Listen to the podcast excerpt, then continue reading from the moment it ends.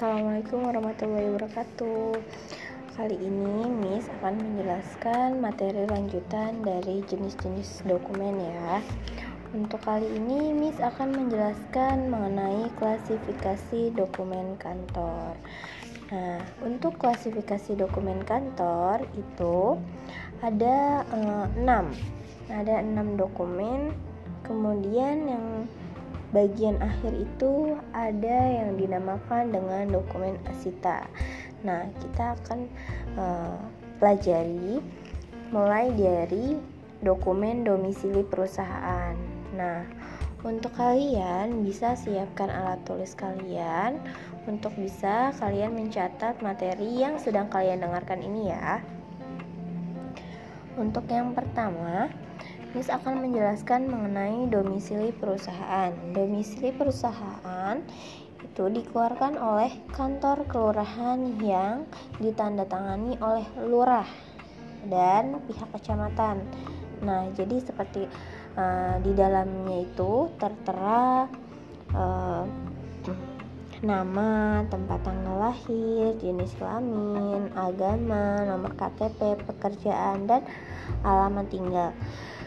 Eh, dan menerangkan bahwa uh, orang tersebut menerangkan bahwa perusahaan itu berada di alamat yang sesuai tertera di dalam surat.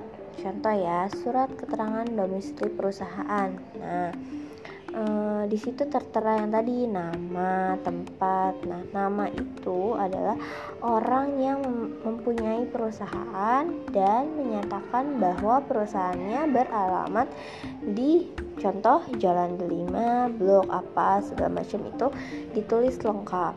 Nah, ditandatangani oleh hmm, kepala kelurahannya.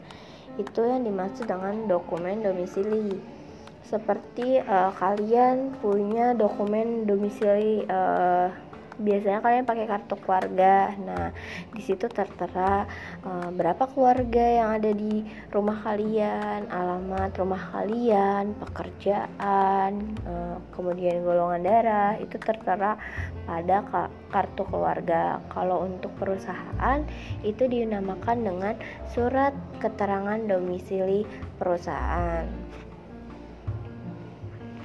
Kemudian untuk selanjutnya ada yang namanya dokumen nomor pokok wajib pajak. Dokumen nomor pokok wajib pajak digunakan untuk tanda pengenal diri atau identitas wajib pajak dalam melaksanakan hak dan kewajiban dalam mengurus perpajakan. Jadi kalau misalnya orang tua kalian bekerja, pasti orang tua kalian memiliki nomor pokok wajib pajak. Nah, untuk contohnya bentuknya seperti apa sih, Miss? E, nomor pokok wajib pajak kalau kalian hmm, hmm, seperti apa ya kartu ATM. Nah, bentuknya seperti itu. E, itu keterangannya hanya nomor, nama, kemudian alamat alamat tinggal dan e, keterangan dicetak di kantor mana untuk nomor NPWP-nya, biasanya begitu. Nanti Miss akan kirimkan contoh-contohnya berupa foto ya. Kemudian ada dokumen uh, akta pendirian travel. Bagi uh, orang-orang yang mendirikan travel pasti memiliki uh, akta pendirian. Uh, contohnya uh, seperti surat izin untuk pendirian usaha. Nah, jadi kalau misalnya kalian mau punya usaha yang memang berbentuk bangunan, pasti itu uh, memiliki surat izin. Surat izin pendiriannya. Kemudian kalau untuk selanjutnya itu yang keempat ada dokumen surat izin tempat usaha. Surat izin tempat usaha. Untuk pendirian usaha dan tempat usaha itu berbeda ya. Kalau surat pendiriannya itu kan saat kalian akan mendirikan usaha. Surat izin tempatnya. Nah tempatnya hmm, itu perorangan. Hmm, perorangan juga bisa perusahaan juga bisa. Tempat usaha yang sesuai dengan tata ruang wilayah. Jadi kalau misalnya pendiriannya kita membuat uh, surat izin mendirikan usaha kemudian tempat usahanya seperti apa itu juga harus ada surat izinnya kemudian yang kelima ada dokumen surat izin usaha perdagangan yang tadi disebutkan uh, surat izin usaha perdagangan ini merupakan uh, sebuah izin yang diberikan oleh menteri atau pejabat um, untuk uh, kalian membuat atau melaksanakan usaha tersebut baik di bidang uh, barang maupun jasa kemudian untuk selanjutnya yang keenam itu ada dokumen surat izin usaha pariwisata. Nah, usaha pariwisata. Usaha pariwisata ini Eh, merupakan sebuah dokumen yang menyatakan bahwa usaha yang dijalankan tersebut telah didaftarkan di Dinas Pariwisata. Jadi kalau usaha kalian berbentuk usaha pariwisata, kalian juga harus memiliki surat izin dari uh, Kementerian Pariwisatanya ya. Dan yang terakhir yang tadi disebutkan adalah dokumen anggota ASITA. Anggota ASITA itu adalah Association of the Indonesia merupakan sebuah perusahaan wisata Indonesia. Tujuan Asita ini adalah untuk memudahkan pengawasan pasar seperti dalam hal promosi kepariwisataan. Jadi kalau kalian punya usaha pariwisata, kalian mau promosi, kalian nah, harus mempunyai dokumen anggota Asita jika hmm, kalian usahanya memang uh, diawasi oleh asosiasi ini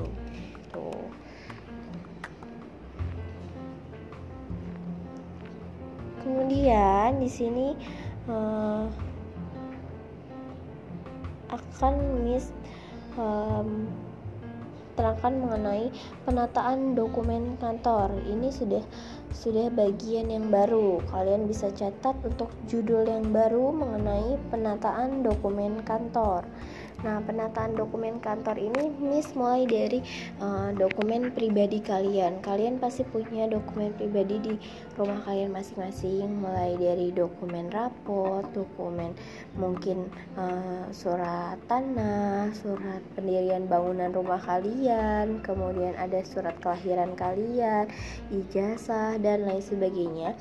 Itu bisa disimpan berdasarkan sistem penyimpanan yang benar. Nah, sistem penyimpanan yang benar ini ada jenisnya, mulai dari uh, ada uh, jenis-jenis sistem penyimpanannya, mulai dari penyimpanan sistem nomor, sistem subjek atau uh, pokok soal atau masalah, kemudian sistem abjad, sistem tanggal, dan sistem wilayah.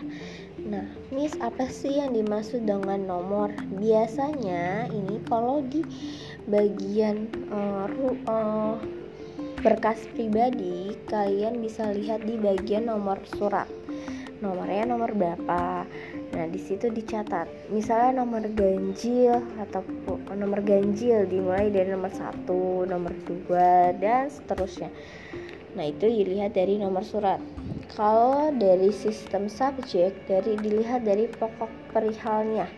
Perihalnya itu seperti contoh akte berarti uh, alfabet dari A diaturnya. Kalau misalnya uh, ijazah berarti dari I. Jadi setelah uh, kalian merapikan A berurut B, kalau B-nya nggak ada miss, langsung ke I. Berarti setelah A langsung ke I berurut sesuai dengan abjad. Nah, itu ber uh, bersambung dengan sistem abjad ya. Sistem pokok masalah itu bersambung dengan sistem abjad. Kemudian penataan dokumen berdasarkan sistem tanggal. Kalau tanggal itu dilihat dari tanggal dokumennya. Contoh tanggal dokumennya itu bukan Miss ini ada tanggal lahir saya tanggal 30 tapi di sini ada tanda hmm, aktenya ditandatangani tanggal 31 nah kalian lihatnya di tanggal 31 itu contoh lagi ya, rapot. Mis rapotnya itu tanggal 10 tanda tangannya. Berarti itu dirapikan dulu tanggal 10 nanti baru dirapikan lagi rapot rapot yang tanggal 11 eh rapot yang memang ditanda tangani tanggal 11 lain bulan lain tahun. Nah, itu juga harus diperhatikan. Kemudian dokumen sistem wilayah. Kalau untuk wilayah itu seperti contoh uh, di kelurahan dari wilayah uh, Cipayung, Ciracas berbeda berbeda-beda jadi harus dipisahkan. Kita lihat dulu Cipayung dan Ciracas. Nah, duluan mana Cipayung dulu atau Ciracas dulu? Dilihat dari alfabetnya ya.